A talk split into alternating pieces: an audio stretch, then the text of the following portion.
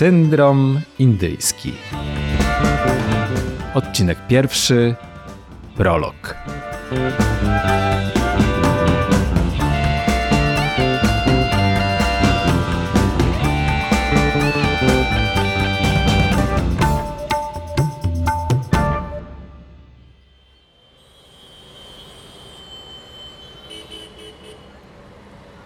Natknąłem się na niego jakieś trzy tygodnie po przeprowadzce. Stał nieruchomo w słońcu, w samo południe, coś czego nie robi się w Indiach latem. Tym bardziej, że zaledwie kilka metrów dalej rozłożysty figowiec oferował zbawienne schronienie przed opresyjnym upałem. Ale nie to było najdziwniejsze. Stał na środku ruchliwego skrzyżowania, dokładnie na samym środku. Każdy, kto kiedykolwiek był w Delhi, wie, że tego tym bardziej się nie robi. Przez ulicę przechodzisz najszybciej jak potrafisz, albo zostajesz zmieciony przez nieubłagany i obojętny na twoje fanaberie ruch. Ale on tkwił niewzruszony w miejscu, sprawiając wrażenie, jakby ani jeden mięsień nie drgnął pod jego przykurzonym, obszarpanym ubraniem. Pulsujący strumień aut, ludzi, żywego inwentarza opływał go bezkolizyjnie jak stały punkt lokalnego krajobrazu. Bosy, wysoki, czarnobrody, wyglądał jakby zamarł nagle w trakcie ekstatycznego tańca. Nie było w nim ani cienia wahania. Zero strachu przed zmiażdżeniem przez szarżujący autobus czy rozpadającą się ciężarówkę. Stał i patrzył. Zagęszczający się korek zmusił mojego kierowcę do zahamowania tuż obok tego żywego posągu.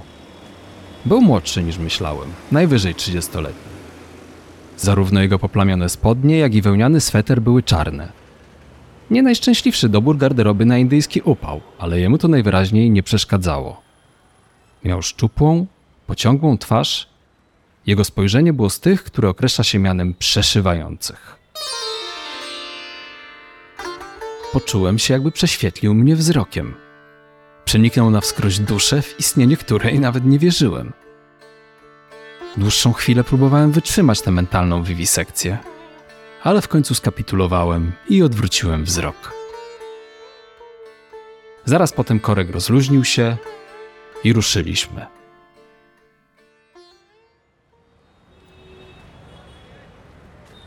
Widziałeś go? Zapytałem kierowcę. Kogo, ser? Tego kolesia tam na ulicy. Jackbeer skinął twierdząco głową, nie odrywając wzroku od drogi. Pracował dla nas już kilka dni, zdążył się przyzwyczaić do moich osobliwych ekscytacji. Na widok krów na ulicach, kobiet z chrustem na głowie, trzypokoleniowych rodzin na jednym motocyklu. Tak jak ja szybko przywykłem do tego, że mam prywatnego szofera, który mówi do mnie ser. Jednak widok tego nieruchomego człowieka odgrzebał z mojej pamięci coś, co mimo żałośnie ubogiej wiedzy o Indiach, nie wykraczającej poza kilka wyślizganych stereotypów, o tym kraju słyszałem. Czy to mógł być e, Mahasiddha? Zaryzykowałem. Maha co, ser? No wiesz, święty szaleniec, oświecony wariat, ktoś, kto wyzwolił się z ograniczeń iluzji i nie dba więcej o żadne zasady społeczne czy religijne. Jagbir uśmiechnął się pod nosem. Raczej mnie nie zrozumiał. Kiedyś było ich w Indiach sporo, ciągnąłem. Uważano, że mają zdolności nadprzyrodzone, że potrafią czynić cuda. To nie mógł być ktoś taki? Nie. Nie? Nie, ser. Jego niewzruszoność ostudziła nieco mój entuzjazm. Kim ja jestem, by kwestionować to, co na temat swojego kraju mówi miejscowy kierowca? Ale mimo, że coraz bardziej oddalaliśmy się od miejsca dziwnego spotkania, cały czas czułem na sobie to przenikliwe, hipnotyzujące spojrzenie. Jeszcze jedna próba. To dlaczego tak stał na tej ulicy, jakby miał wszystkich gdzieś, jakby niczego się nie bał? Jagbir westchnął cicho. Jak na delijskiego kierowcę był nadzwyczaj dyskretny, niemal introwertyczny. Ociągając się, jakby musiał wyjawić dziecku okrutną prawdę o świętym Mikołaju. Wyjaśnił. To był ćpun, ser.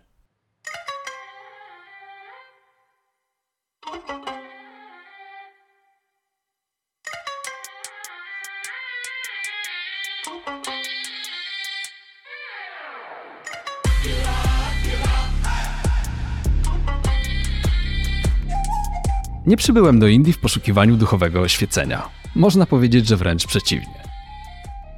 Przeprowadziłem się tu z żoną i córką ze względu na pracę tej pierwszej.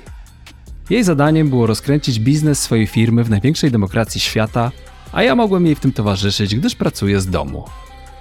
Czyli było to coś w rodzaju wydłużonej podróży biznesowej, o pobudkach zdecydowanie bardziej materialistycznych niż metafizycznych.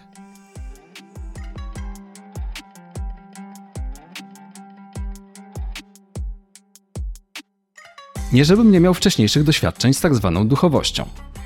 Próbowałem różnych praktyk medytacyjnych, nie tylko w celu doraźnej poprawy samopoczucia czy podniesienia osobistego potencjału, ale w szczerej nadziei, że dzięki nim uda mi się lepiej zrozumieć siebie i świat. Że może pojmę w końcu o co w tym wszystkim chodzi. Ale poległem. Całkowicie. Każda próba regularnego praktykowania jakiejś mniej lub bardziej popularnej techniki medytacyjnej kończyła się rozczarowaniem i poczuciem zażenowania, że kiedykolwiek sądziłem, iż to może zadziałać. Ostatecznie odpuściłem sobie je wszystkie i w momencie przyjazdu do Indii znowu byłem zdeklarowanym sceptykiem, jeśli nie bezwstydnym nihilistą.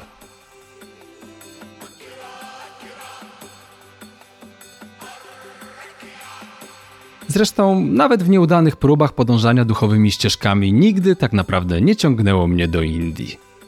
Gdybym kiedykolwiek miał wyruszyć na jakąś odległą pielgrzymkę, udałbym się raczej do Tybetu, Butanu, Japonii. Krajów buddyjskich, gdyż z tą tradycją w mniejszym lub większym stopniu wiązały się moje dotychczasowe poszukiwania. Buddyzm, który w przeciwieństwie do innych wielkich religii nie zakłada konieczności istnienia najwyższego stwórcy, ani nie został zapoczątkowany przez kogoś, kto uważał się za Boga czy proroka, był dla takiego niedowiarka jak ja jedyną akceptowalną opcją z globalnego duchowego menu.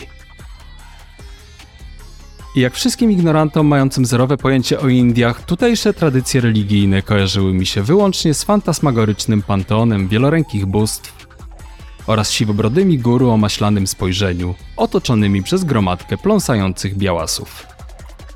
Nie dla mnie.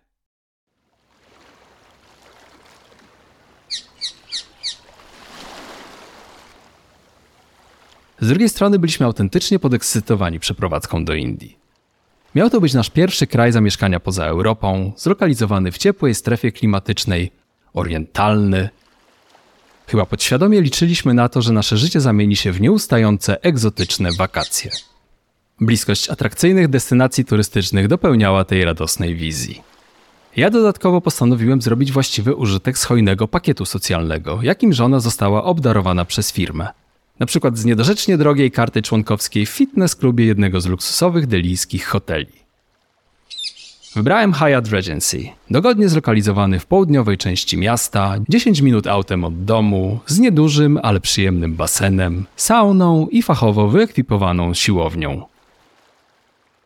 Miałem zamiar zacząć w końcu regularnie ćwiczyć a mój indyjski plan na samorozwój sprowadzał się do pięknie wyrzeźbionego sześciopaku, dumnie eksponowanego na którejś z plaż w Goa.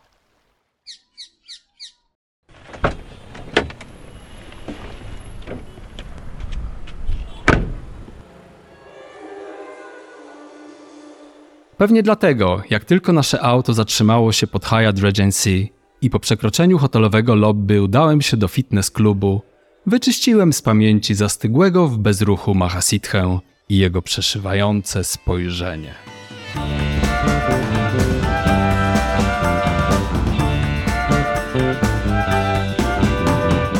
W kolejnym, już pełnowymiarowym odcinku syndromu indyjskiego opowiem o naszych początkach w Indiach i o tym, jak ze skromnych wschodnich Europejczyków przeistoczyliśmy się w postkolonialne jaśnie państwo.